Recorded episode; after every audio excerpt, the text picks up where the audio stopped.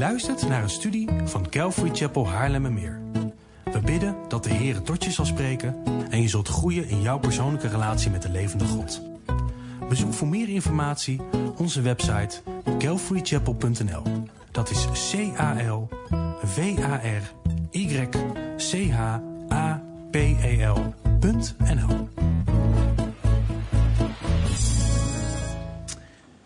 Sla alsjeblieft je Bijbel open op Romeinen hoofdstuk 10.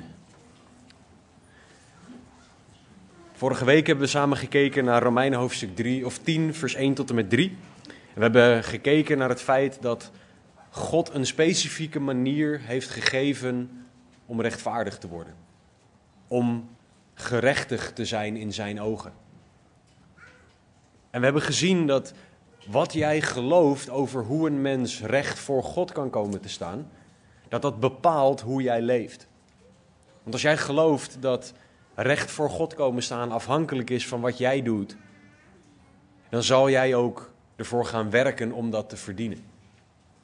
Als jij gelooft dat recht voor God komen staan alleen uit geloof in Jezus Christus is, dan zal je ook een levensstijl van geloof gaan hebben. En zal je dus gaan leven uit geloof in de plaats van, van wat je zelf kan. Wat je gelooft bepaalt hoe je leeft, is wat we gezien hebben. Vanochtend gaat Paulus verder in vers 4 en gaan we, we komen tot en met vers 10. En gaan we kijken naar het concept van eigen werken tegenover geloof. Paulus gaat dat uitdiepen. En waarom doet hij dat? Nou, omdat hij weet naar wie hij schrijft. De Romeinenbrief is geschreven aan een kerk in de stad Rome. En deze christenen waren deels christenen met een Joodse achtergrond. En vanuit hun Joodse achtergrond hadden zij een bepaald idee bij hoe men recht voor God kan komen te staan. Zij dachten, wij hebben de wet in de hand, dus wij weten hoe we recht voor God kunnen komen te staan. Zij hadden de wet in de hand, dus zij dachten, wij weten wat we moeten doen om rechtvaardig te worden. Maar Paulus is aan het laten zien dat ja, ze hebben de wet, maar nee, ze hebben ook het punt van de wet gemist. En daar gaan we vanochtend naar kijken, naar eigen werken versus geloof. Dus laten we samen lezen Romeinen hoofdstuk 10, vers 4 tot en met 10 en dan gaan we daarna vers voor vers doorheen. Paulus schrijft, want het einddoel van de wet is Christus. Tot gerechtigheid voor ieder die gelooft. Want Mozes schrijft over de gerechtigheid die uit de wet is. De mens die deze dingen gedaan heeft, zal daardoor leven. De gerechtigheid echter die uit het geloof is, spreekt al dus. Zeg niet in uw hart wie zal naar de hemel opklimmen. Dat is Christus naar beneden brengen. Of wie zal in de afgrond neerdalen. Dat is Christus uit de doden naar boven brengen. Maar wat zegt zij? Dicht bij u is het woord, in uw mond en in uw hart. Dit is het woord van het geloof dat wij prediken. Als u met uw mond de Heere Jezus beleidt en met uw hart gelooft dat God hem uit de doden heeft opgewekt, zult u zalig worden. Want met het hart gelooft men tot gerechtigheid en met de mond beleidt men tot zaligheid. Laten we bidden. Heere God, we danken u voor uw woord.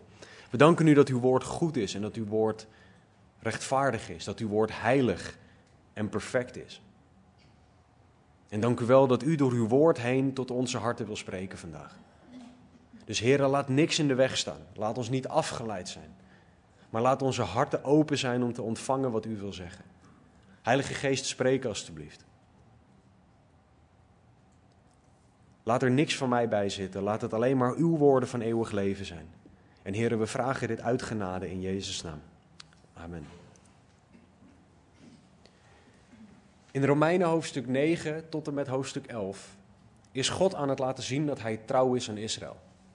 Want in hoofdstuk 1 tot en met 8 heeft hij het gehad over redding in zijn algemeenheid. Maar hij wilde in hoofdstuk 9 tot en met 11 ook specifiek inzoomen op zijn volk. Want God is de God van Israël. Zo wordt hij continu genoemd. Maar de God van Israël is ook de God van de heidenen, van de niet-Joden. En daarom maakt God duidelijk dat de weg naar redding hetzelfde is voor Jood en voor heiden. God wil en zal altijd rechtvaardig handelen, zowel naar Jood als naar heiden. En Iedereen mag daardoor weten, mag daardoor erachter leren komen dat Gods weg van redding uit geloof is. Hij wil duidelijk maken, en dat heeft hij in het vorige hoofdstuk heeft hij dat onder andere gedaan, aan het einde in vers 30 tot en met 33, heeft hij duidelijk gemaakt dat voor Jood en voor Heiden de weg hetzelfde is. Maar vanaf dat stuk, vanaf het einde van hoofdstuk 9, is Paulus een probleem aan het aanwijzen. Een, een probleem bij de Joden. Een probleem in hun geloofssysteem. Want hun geloof is gebaseerd op wat zij zelf kunnen. Hun religie is gebouwd op hun eigen daden in de plaats van op geloof. In vers 3 heeft Paulus gezegd dat zij de gerechtigheid van God niet kennen in Romeinen 10 en zich daardoor er niet aan onderworpen hebben. Want zij hebben die wet en ze houden zich vast aan die wet en ze zeggen: Wij doen die wet. En daardoor zullen wij leven.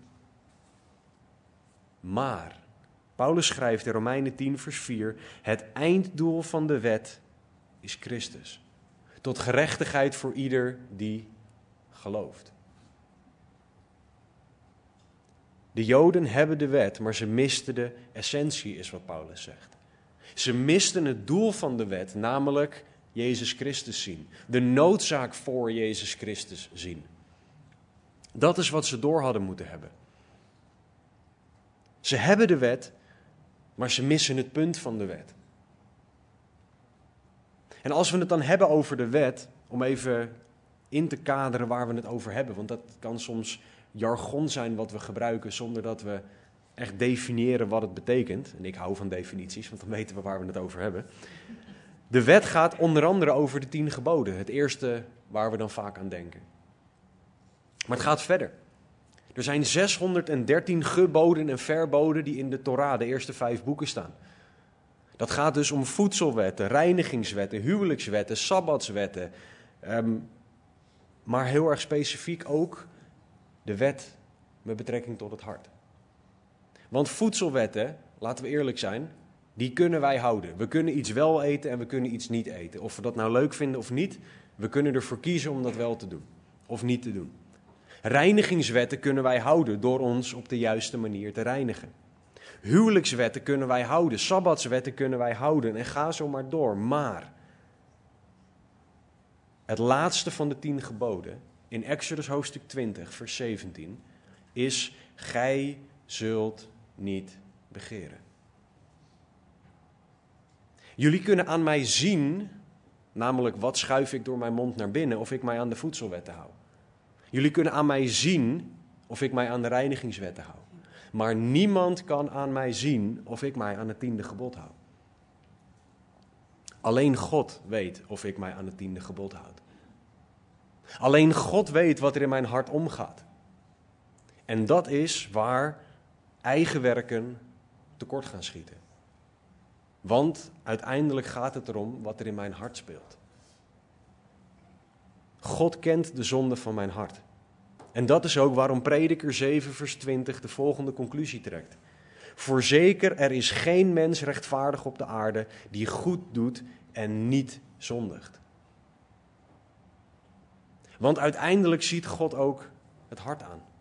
Psalm 14, vers 2 en 3. De Heere heeft uit de hemel neergezien op de mensenkinderen om te zien of er iemand verstandig was. Iemand die God zocht. Zij allen zijn afgedwaald. Tezamen zijn zij verdorven. Er is niemand die goed doet, zelfs niet één.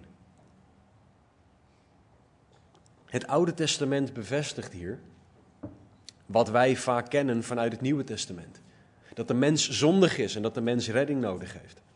Paulus herhaalt bijvoorbeeld in Romeinen 3, vers 23 dat er niemand rechtvaardig is en dat allen gezondigd hebben. Dus wat zegt de wet? De wet zegt, jij bent een zondaar, want jij overtreedt de wet. De wet zegt, jij schiet tekort. Ik schiet tekort, want wij overtreden de wet. De wet is perfect, wij niet. Psalm 19, vers 8 en 9 zegt: De wet van de Heere is volmaakt. Zij bekeert de ziel. De getuigenis van de Heer is betrouwbaar. Zij geeft de eenvoudige wijsheid. De bevelen van de Heer zijn recht. Zij verblijden het hart. Het gebod van de Heer is, is zuiver. Het verlicht de ogen. De conclusie in het Oude Testament dus over de wet is dat de wet volmaakt is. Dat het betrouwbaar is. Dat het recht is. En dat het zuiver is. En de conclusie is dat wij tekortschieten. En dit zegt de God die alles ziet, zoals Spreuken 15:3 zegt. Dat God de goede en de slechte daden van de mens ziet. Dit ziet de rechtvaardige rechter die God is in Psalm 7. De rechter die niet kan zeggen, for this time will see through the vingers. Want dat bestaat niet bij God, want dan zou hij niet langer rechtvaardig zijn. We hebben de wet nodig. Ten eerste om in te zien dat wij zondaren zijn, maar vooral ook om in te zien, ik ben een zondaar en ik kan het niet zelf.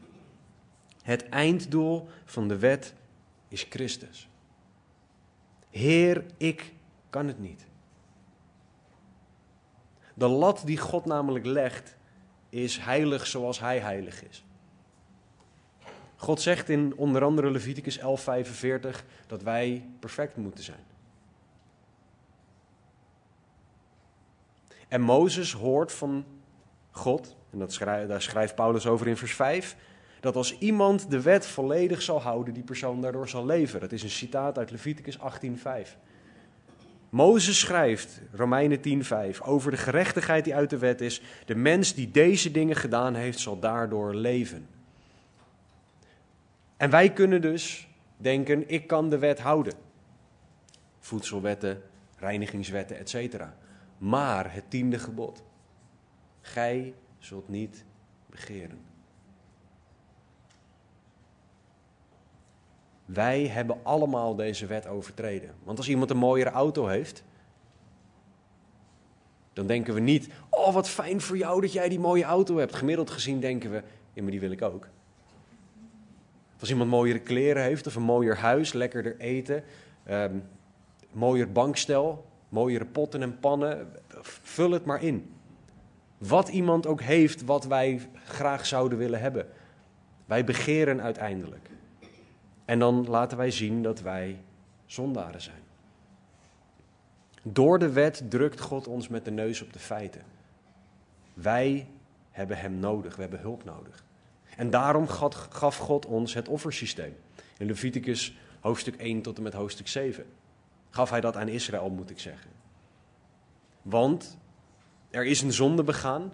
Er moet een straf zijn voor die zonde. God gaf het offersysteem om de zonde dan te bedekken. En elk jaar werd er verzoening gedaan voor het volk voor een heel jaar. Zoals we overlezen in Leviticus 16. Waarom zeg ik dit? Omdat Hebreeën 10.1 ons het volgende leert. Want de wet die slechts een schaduw heeft van de toekomstige heilsgoederen en niet het wezen van de dingen zelf, kan nooit met dezelfde offers die zij jaar in jaar uit onderbroken brengen, hen die naderen tot volmaaktheid brengen. Dus wat schrijft de, de schrijver van de Hebreeënbrief, waarvan ik geloof dat het Paulus is?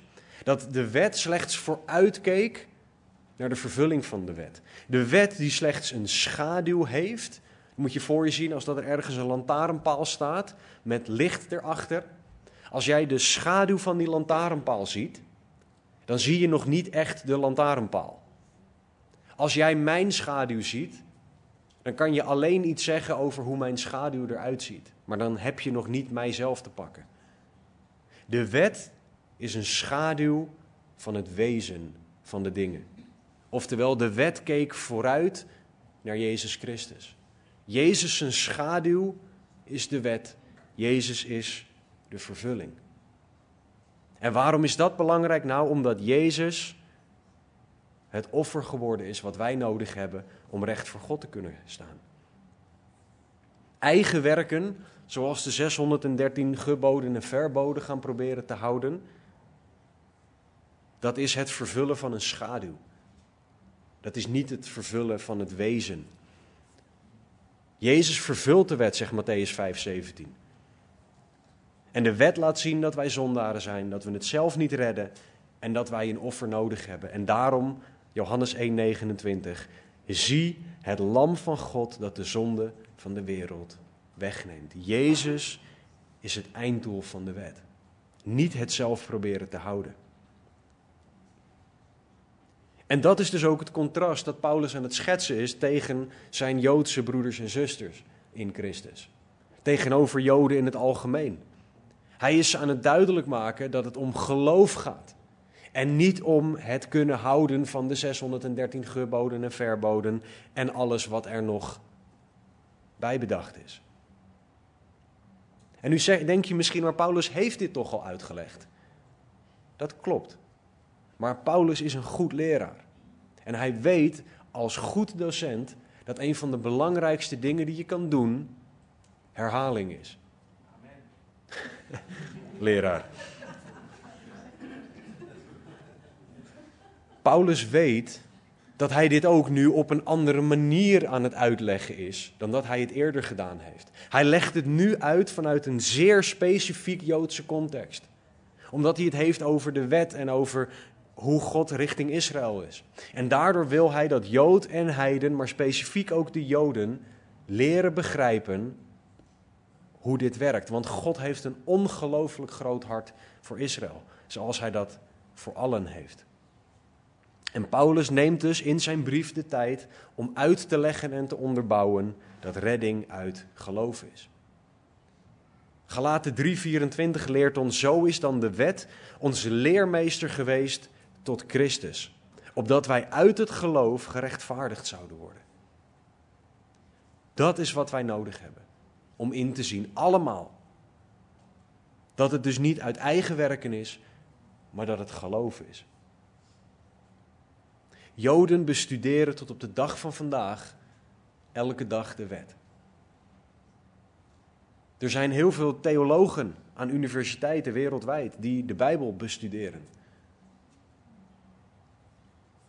Maar ze missen het doel van wat ze bestuderen. Het einddoel van de wet is Christus, tot gerechtigheid voor ieder die gelooft. Dat is wat wij nodig hebben. Dat is wat de wereld nodig heeft. En dat is waar wij de wereld ook over moeten vertellen. Dat is de verantwoordelijkheid die God aan jou, u en mij gegeven heeft. Om dit ook te vertellen aan mensen.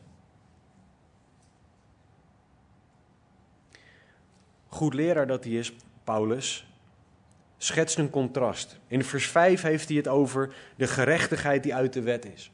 Dat is de ene kant van het verhaal. In vanaf vers 6 gaat hij het hebben over de andere kant. Het contrast tussen het een en het ander, tussen licht en duisternis, tussen goed en kwaad, tussen gerechtigheid uit de wet. Vers 6, de gerechtigheid echter die uit het geloof is. De wet, eigen werken ten opzichte van geloof. Paulus maakt hier een punt. En om dit punt te maken, citeert hij weer het Oude Testament. Hij citeert uit Deuteronomium 30. En Deuteronomium 30, vers 11 tot en met 14, daar staat het volgende. God spreekt hier tegen Israël via Mozes. Want dit gebod dat ik u heden gebied is niet te moeilijk voor u en het is niet ver weg.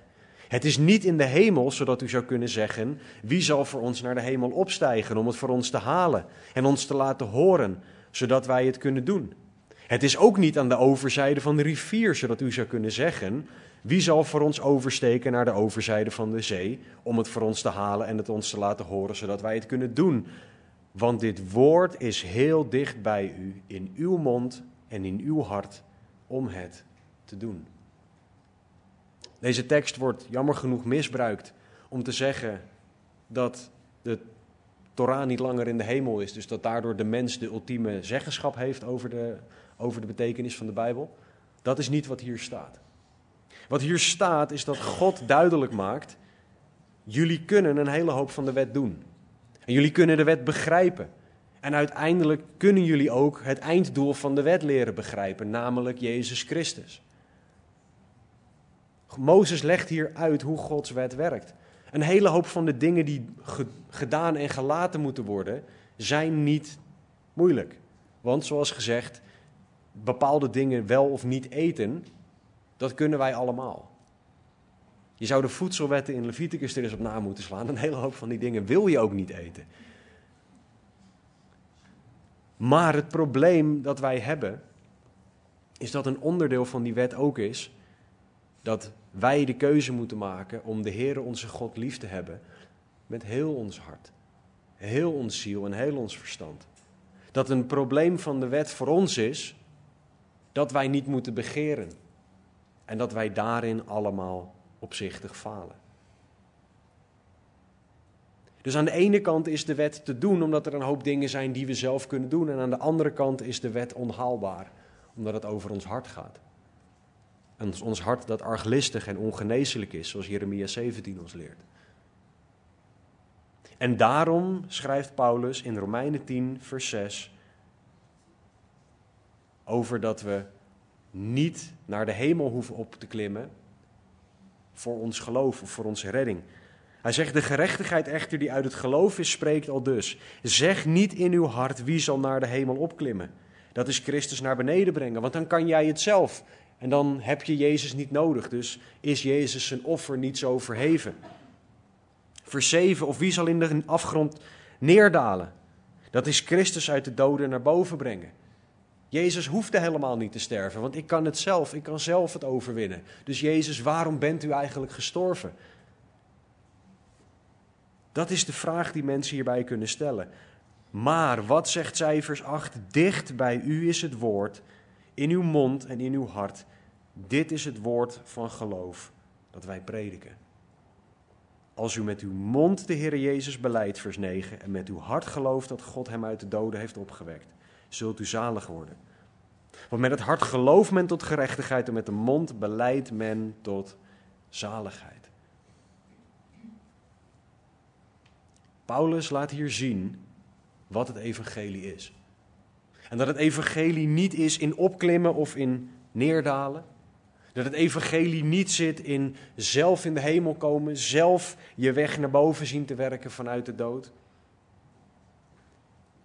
Als u met uw mond de Heer Jezus beleidt en met uw hart gelooft, zult u zalig worden. Dat is het evangelie. En wat Paulus hiermee dus laat zien, is iets waarmee hij helemaal in Romeinen 1 begonnen is. Romeinen 1, vers 16 en 17. Dat het evangelie genoeg is om de mens te redden. Er is geen extra speciaal werk van iemand nodig buiten het evangelie om, want Romeinen 1, vers 16 en 17 zegt: Ik schaam mij niet voor het evangelie van Christus, want het, het evangelie van Christus, is een kracht van God tot zaligheid voor ieder die gelooft. Eerst voor de Jood en ook voor de Griek, want de gerechtigheid van God wordt daarin geopenbaard, uit geloof tot geloof, zoals geschreven is, maar de rechtvaardige zal uit het geloof leven. Dus, christen, als jij nog niet gelooft, maakt niet uit, allemaal, het evangelie is wat redt. En het evangelie is dat jij gelooft in Jezus Christus die voor jouw zonde gestorven en opgestaan is. Dat jij je bekeert van je zonde en je nu afkeert van je oude daden en naar God richt. Als je gelooft in God, is dat wat redt. Dat is wat Romeinen 1 ons leert. Niks meer, niks minder. God openbaart zichzelf aan de mens en de mens reageert. Efeze 1, vers 13 zegt het volgende: In hem bent ook u, nadat u het woord van de waarheid, namelijk het evangelie van uw zaligheid, gehoord hebt. In hem bent u ook, toen u tot geloof kwam, verzegeld met de Heilige Geest van de belofte. Paulus wil dat de Joden dit begrijpen en hij wil dat wij begrijpen dat de volgorde van redding is: je hoort het woord van de waarheid, namelijk het evangelie van uw zaligheid. Je komt tot geloof en dan ben je verzegeld met de Heilige Geest. Dat verzin ik niet zelf, dat staat hier volgordelijk in Efeze 1, vers 13. Er is dus geen, om met de, de, de woorden van Paulus uit Romeinen 10 te spreken, er is geen opklimmen, geen afdalen. Nee, God trekt de mens tot zichzelf. Hij laat zichzelf zien. De Heilige Geest overtuigt van zonde, gerechtigheid en oordeel. Zoals Johannes 16 ons leert. En daar komt de reactie op van geloof. Dit is wat voor de Joden zo ontzettend duidelijk moest worden.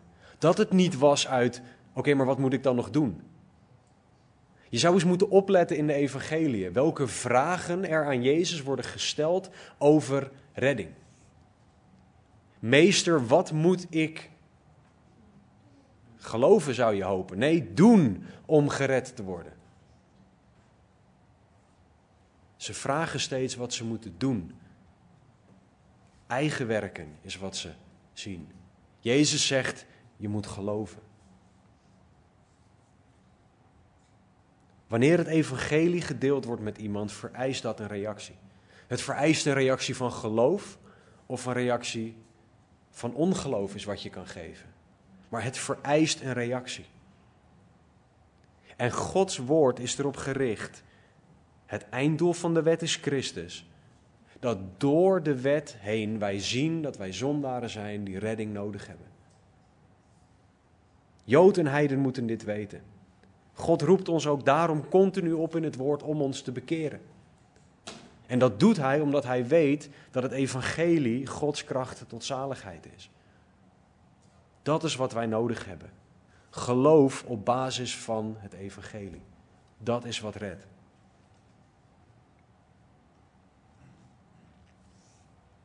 Paulus zegt in vers 8: Dicht bij u is het woord. Dit is zoiets prachtigs, want het woord van God is dichtbij. Wat betekent dat God zelf dichtbij is, want uit Johannes 1:1 weten wij dat Jezus Christus het woord is. Dus als Paulus zegt dicht bij u is het woord, dan is Jezus dichtbij. Hij is het levende woord dat wij mogen hebben, dat wij mogen geloven, waar wij op mogen vertrouwen.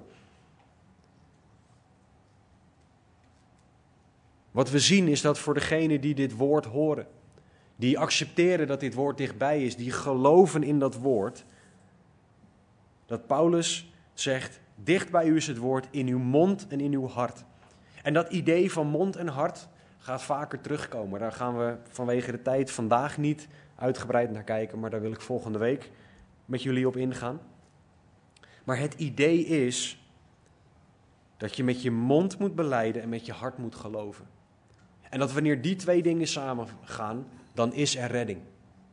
Als jij met je mond beleidt dat jij gelooft in Jezus Christus, als jij met je hart gelooft dat het zo is, dan ben je gered, is wat de Bijbel ons leert. Er is dus een noodzaak voor een reactie vanuit je mond en vanuit je hart. Het is niet het een of het ander, het moet allebei zijn. En door het evangelie gaan wij met onze mond beleiden dat Jezus Christus de Heer is. Door het evangelie gaan wij geloven in ons hart dat Jezus uit de doden is opgewekt, ondanks dat we niet begrijpen hoe dat werkt.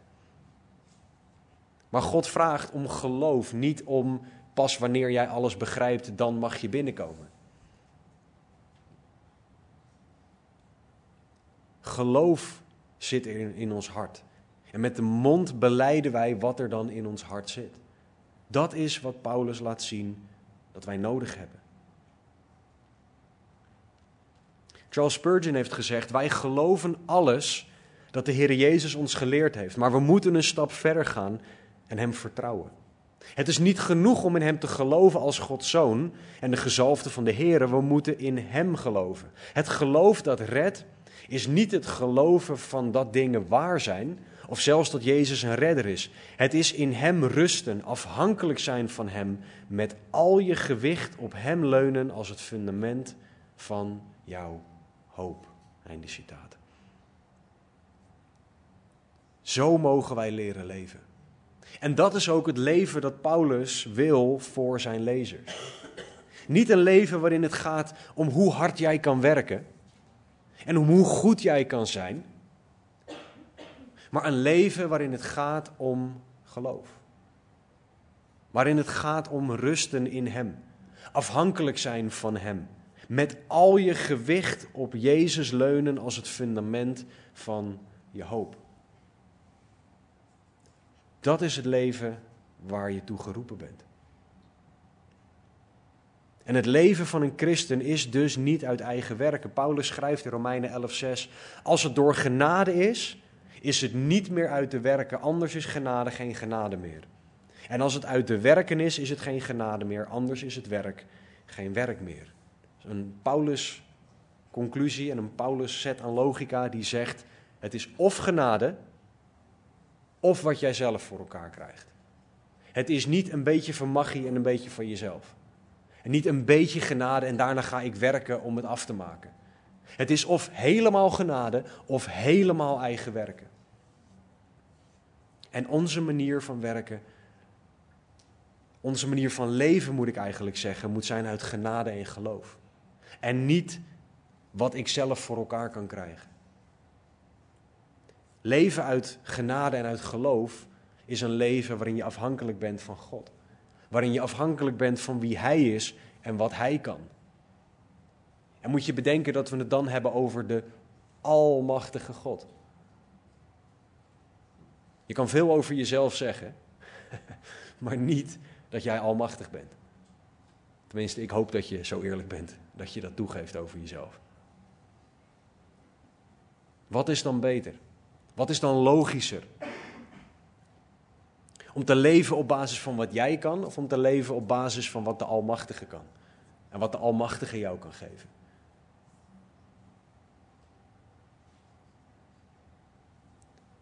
Leven vanuit de wet gaat om wat ik kan. Paulus wilde dat de Joden inzagen door de wet: ik kan het niet. Jezus Christus, ik heb u nodig. Wat ook een belangrijke is als, als christenen, is dat leven in geloof niet gaat om dat jij genoeg geloof moet hebben. Romeinen 10, 17 zegt zo is dan het geloof uit het gehoor en het gehoor door het woord van God. Geloof wordt tegenwoordig soms neergezet als een soort maatbeker die je kan vullen. En als je iets wil van God, dan heb je genoeg vulling in die maatbeker nodig, genoeg geloof.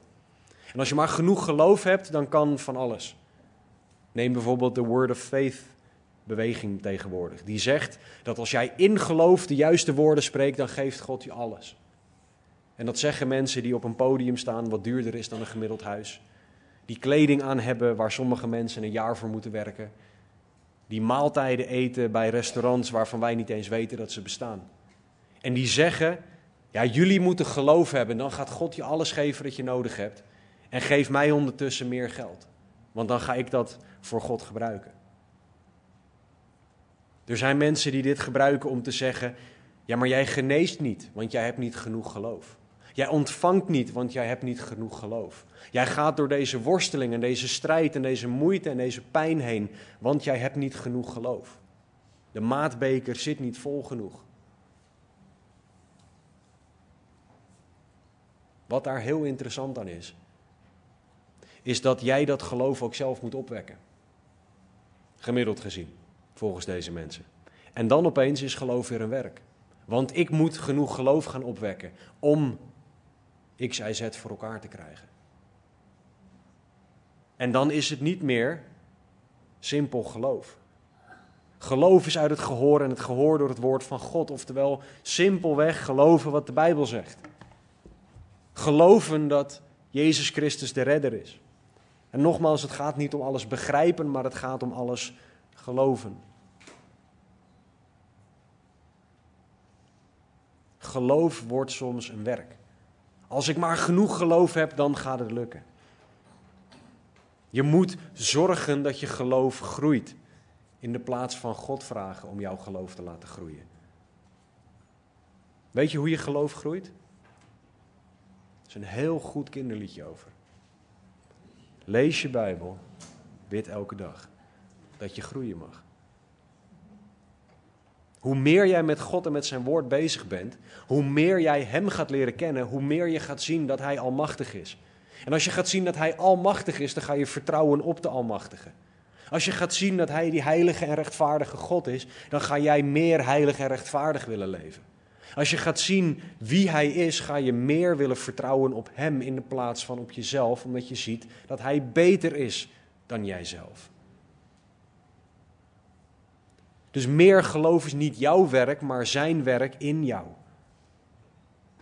Je mag leren leven uit een nieuwe natuur Vanuit geloof, waarin de vrucht van de geest groeit, waar die onder andere geloof is.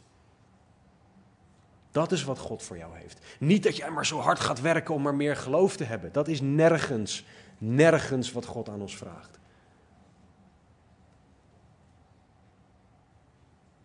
Jezus zei in Matthäus 4:4: Er staat geschreven: De mens zal niet van brood alleen leven, maar van elk woord dat uit de mond van God komt. Jezus citeerde hier Deuteronomium. Leven uit geloof is leven op basis van wat Gods woord zegt. Wat Jezus hier niet zegt, is de mens zal leven van elk woord dat uit de mond van God komt wanneer we het voelen. Of wanneer wij het begrijpen. Of wanneer wij de omstandigheden zien zoals ze gaan en als we zien waar het allemaal heen gaat. Als we de lessen zien die we er doorheen moeten leren. Jezus zegt dat wij moeten leren leven op basis van Gods woord, ook als wij het niet zien. Want vergeet niet dat Jezus op dit moment 40 dagen aan het vasten was. En 40 dagen lang verleid werd door de meesterverleider Satan. Als wij denken dat onze verleidingen af en toe lastig en ondraaglijk zijn, hoe moeilijk moet het voor Jezus, die volledig mens en volledig God was, om als mens daar te staan en verleid te worden door de vijand? En we lezen niet dat Jezus meer geloof moest opwekken. Of dat Jezus harder moest gaan werken. De mens zal niet van brood alleen leven, maar van elk woord dat uit de mond van God komt. We moeten ervoor kiezen om dit te geloven en ons hieraan vast te houden. Juist ook wanneer pijn en verdriet aanwezig zijn. Maar vergeet niet ook in vreugde. Hoe makkelijk is het dan om te vergeten van wie je al die dingen gehad hebt? Juist dan mogen we ook terugvallen op Heer, ik heb uw woord nodig. Ik heb u nodig en u alleen. Als je kijkt naar Job, een man die door verschrikkelijke pijn heen gaat, dan zie je dat hij ervoor kiest om te geloven, ondanks dat zijn geloof wankelt. Als je kijkt naar Mozes en het ongeloof van het volk om hem heen, dan zie je dat Mozes zich voor de grootste, het grootste gedeelte vasthoudt. Ondanks de omstandigheden houdt hij zich vast aan God en aan het geloof dat hij in God heeft. Als je kijkt naar Paulus, die zegt dat hij bovenmate verzocht wordt en vreesde voor zijn leven, zie je iemand die zich vasthoudt aan God en aan zijn woord. Het is een keuze om te blijven geloven. En wij leven in een samenleving waarbij alles draait om gevoel, als het maar goed voelt. Neem bijvoorbeeld de muzikale aanbidding. Die vinden we pas fijn als we het fijne liedjes vonden en als het goed voelde. Terwijl geen van die dingen in de Bijbel staat als de essentie van aanbidding. Aanbidding draait om God. Dus als de liedjes om God gingen, was het daarmee een goed stuk aanbidding. Ook als ik de liedjes niet kende, als ik ze niet mooi vond, als ik niet mee kon zingen, als ik er helemaal niks bij voelde, dan was het goede aanbidding, want het was op God gericht. Zo zitten wij in elkaar. Het draait om wat ik voel. En als ik het voel, dan is het goed.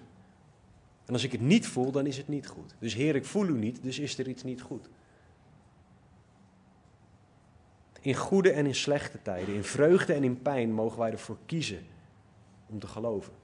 Leven uit geloof in de plaats van eigen werken is een leven van kiezen om te geloven en te vertrouwen op God.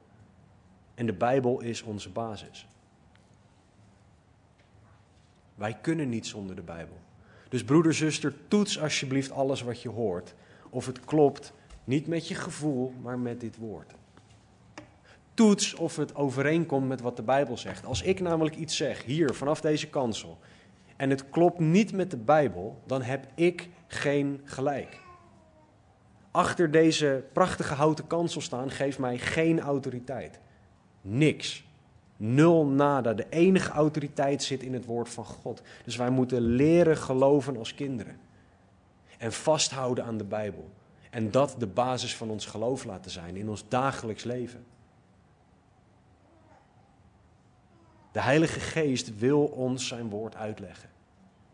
Want vergeet niet dat de Bijbel niet aan theologen geschreven is. Of aan mensen die, een, die gepromoveerd zijn in, de, in het Hebreeuws en in het Grieks. De Bijbel werd geschreven aan gewone mensen zoals wij. Dus je hebt geen doctoraal in Grieks nodig om de Bijbel te kunnen lezen. Is het leuk? Kan het iets toevoegen? Tuurlijk. Maar het is niet nodig om de Bijbel te kunnen lezen en de Bijbel te kunnen begrijpen. Om uit geloof te leven heb je geen, promo, geen promovenduswerk in het Hebreeuws nodig.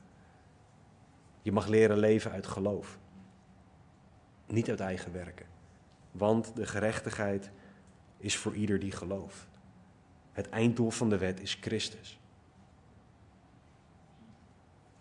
Als laatste wil ik jullie aanmoedigen en misschien wel een schop onder jullie kont geven, als dat nodig is.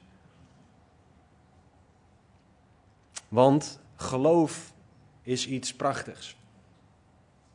Maar bij de deur van een, van een, op de deur van een kennis van mij hing altijd een kaartje. En daar stond geloven is een werkwoord. daarmee bedoelde hij niet dat je moest werken voor je geloof, want hè, dan zou ik mijn hele eigen preek onderuit halen. 2 Korinthe 5, 7 zegt: Wij wandelen door geloof, niet door aanschouwing. Dus geloof is actief. Geloof zet ons aan tot werken. Dat is ook wat de tieners in Jacobus nog gaan uitvogelen met z'n allen.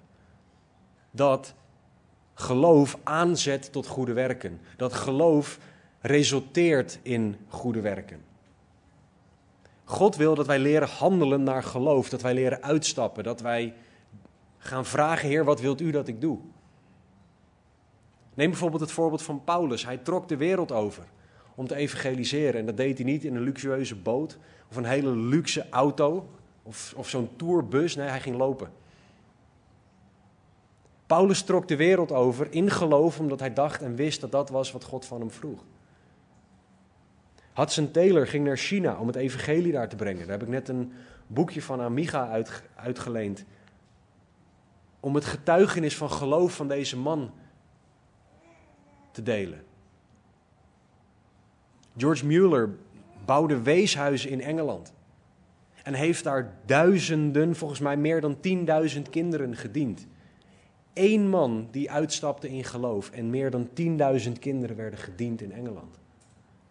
En om iets te delen over het geloof specifiek van deze George Mueller, heb ik een citaat van Christianity.com. Daar staat en dit komt uit een boek over hem. De kinderen zijn klaar om naar school te gaan, maar er is geen eten voor ze om te eten, zei de huismoeder van het weeshuis tegen George Mueller. George vroeg haar om de 300 kinderen mee de eetzaal in te nemen en ze aan de tafels te laten zitten. Geen, geen eten, hè? Hij dankte God voor het eten en wachtte. George wist dat God zou voorzien voor de kinderen zoals hij altijd deed. Binnen een paar minuten klopte er een bakker op de deur. Meneer Mueller, zei hij, ik kon gisteravond niet slapen. Ik wist gisteravond dat u vanochtend brood nodig zou hebben. Ik ben opgestaan en heb drie partijen voor u gebakken. Ik zal het naar binnen brengen.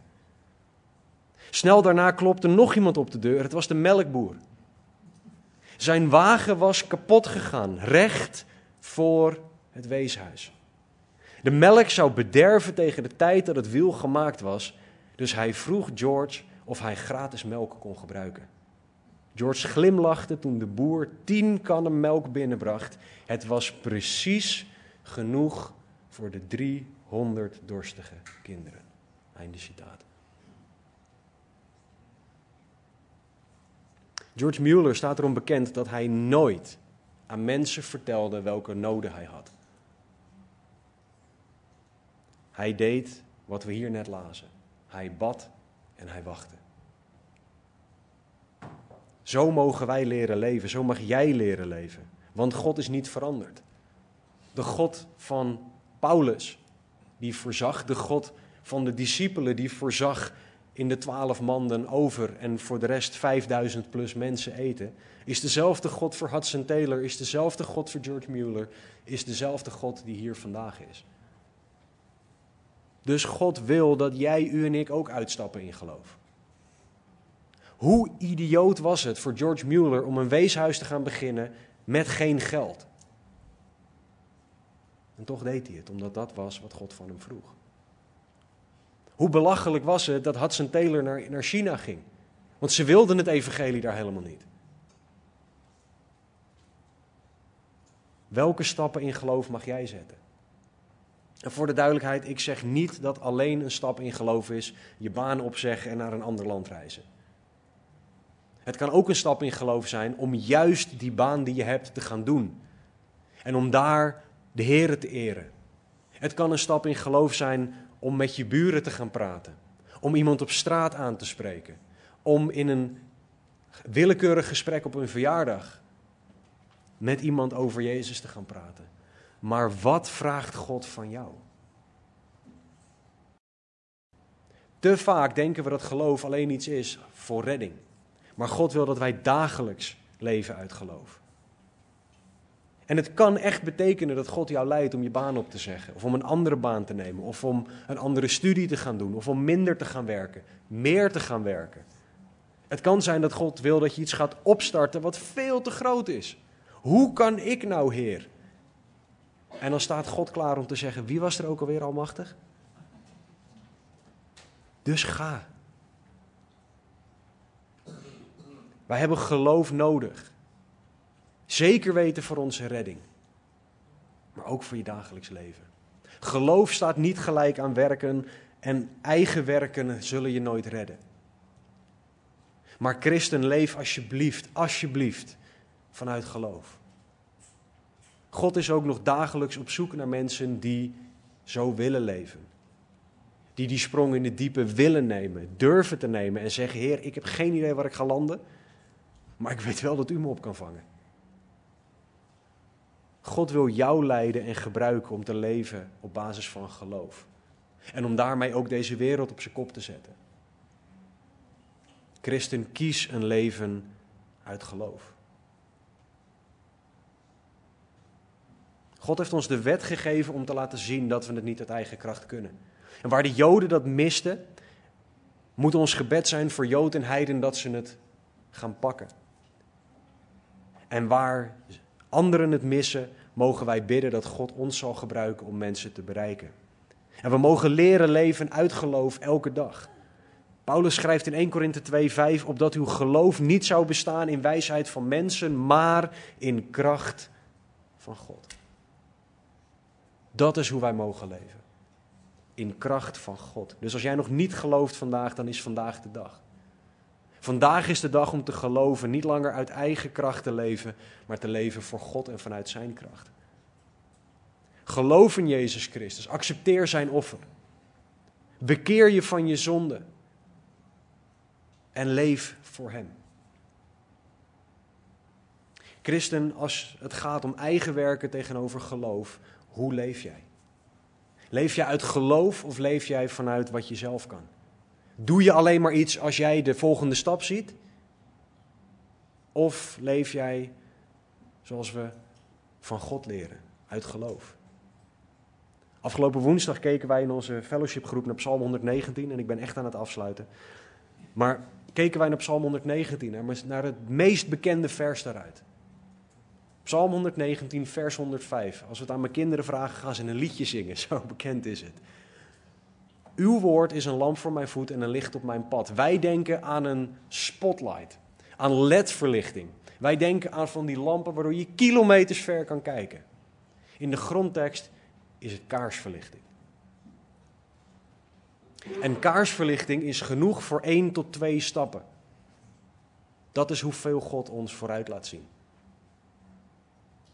En ik heb een keer een voorganger horen zeggen: die tweede stap is er pas als jij de eerste stap gezet hebt. Dus zet die eerste stap in geloof. Op basis van Gods woord. Dus christen, leef jij op basis van eigen werken of leef jij op basis van geloof? Stap jij uit in geloof of blijf je zitten?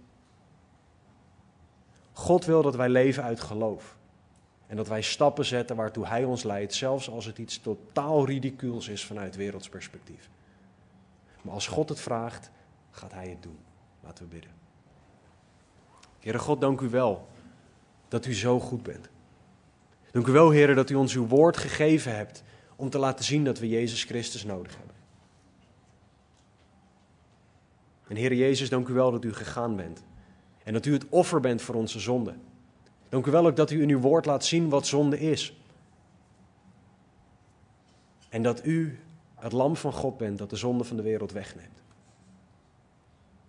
Heren, als er hier mensen zijn die nog niet geloven, als er mensen meekijken of meeluisteren die nog niet geloven, breng ze tot geloof op dit moment alstublieft. En heren, voor degenen die al wel geloven, leer ons leven op basis van geloof. Leer ons om te zien dat het niet gaat om ons opklimmen of ons neerdalen. Dat het niet gaat om wat wij wel kunnen en wat wij niet kunnen, heren, maar dat het gaat om geloof en overgave aan u. Leer ons om ook uit te stappen in geloof. Heren, geef ons dromen, geloofsdromen, waar we voor gaan bidden en gaan pleiten, waar we voor gaan smeken en wachten. Help ons om te leven vanuit wat wij kunnen. Vergeef ons waar wij niet op basis van geloof geleefd hebben. En Heere, leid ons alstublieft om U en U alleen te eren. Heere, breng ons terug bij het leven uit geloof, niet in aanschouwing. Heere, we bidden en vragen dit uit genade in Jezus' naam. Amen. Het aanbiddingsteam komt nu naar voren en zal ons leiden in een aantal liederen. Er zullen mensen aan de randen van de zaal gaan staan met een keycord om die graag met je willen bidden, voor je willen bidden. Maar ga ook tijdens de liederen vragen aan God wat Hij tot jouw hart wil spreken.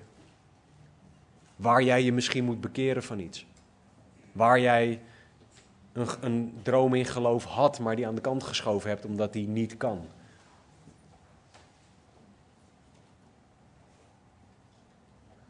2 Korinthe 5, vers 6 en 7 zegt: Wij hebben dus altijd goede moed en weten dat wij, zolang wij in het lichaam inwonen, oftewel zolang wij hier op aarde wonen, uitwonend zijn van de Heer, oftewel niet in zijn aanwezigheid in de hemel zijn, want wij wandelen door geloof, niet door aanschouwen. Laat dat jouw leven zijn, wandelen door geloof. Gezegende week.